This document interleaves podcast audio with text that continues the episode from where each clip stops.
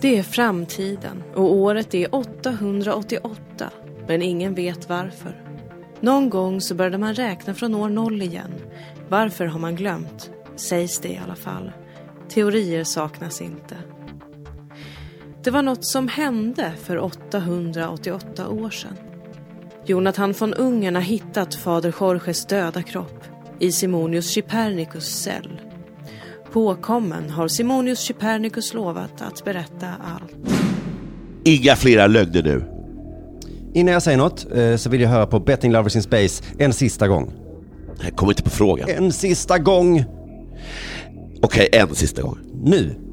Nej, vi tar det sen. Men schyssta. Vi, vi tar det nu. Okej, vi tar det nu. Och för första och kanske sista gången hörs rösterna från den gamla tideräkningen. Från år 2121 som en gång var framtiden för de ännu äldre folken.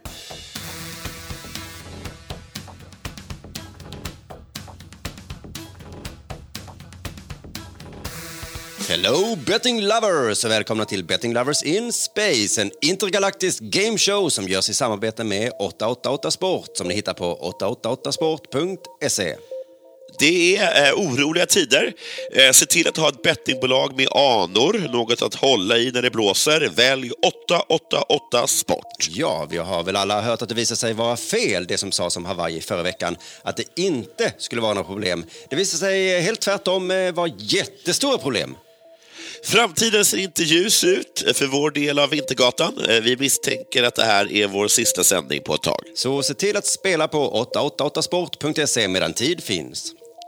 Och vill du spara tid så här i orostider, gå då direkt in på 888sport.se kampanjer där du hittar feta erbjudanden som veckans betbooster med helt galna odds på utvalda toppmatcher. Skjut inte upp till morgondagen att spela en veckans åtta, för då kan det vara för sent. Gå in på 888sport.se och pricka rätt på åtta fotbollsmatcher. Men spela bara om du är över 18 år och har du problem med ditt spelande, gå in på stödlinjen.se. Vi tackar 888 Sport som ni hittar på 888sport.se för den här tiden och hoppas att det inte dröjer en evighet tills vi ses igen. Goodbye, betting lovers.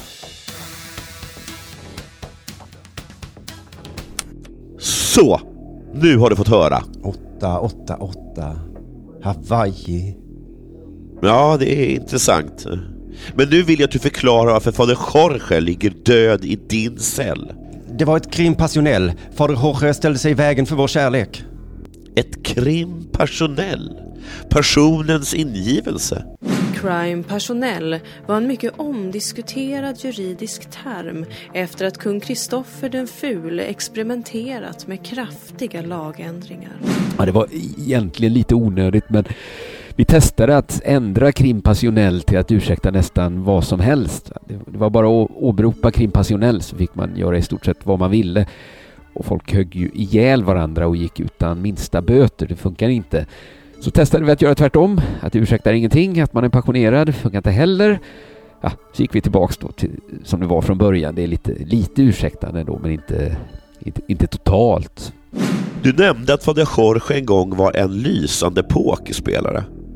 Och du visade mig pokertidningarna, pokermagasinen, vars omslag han prydde.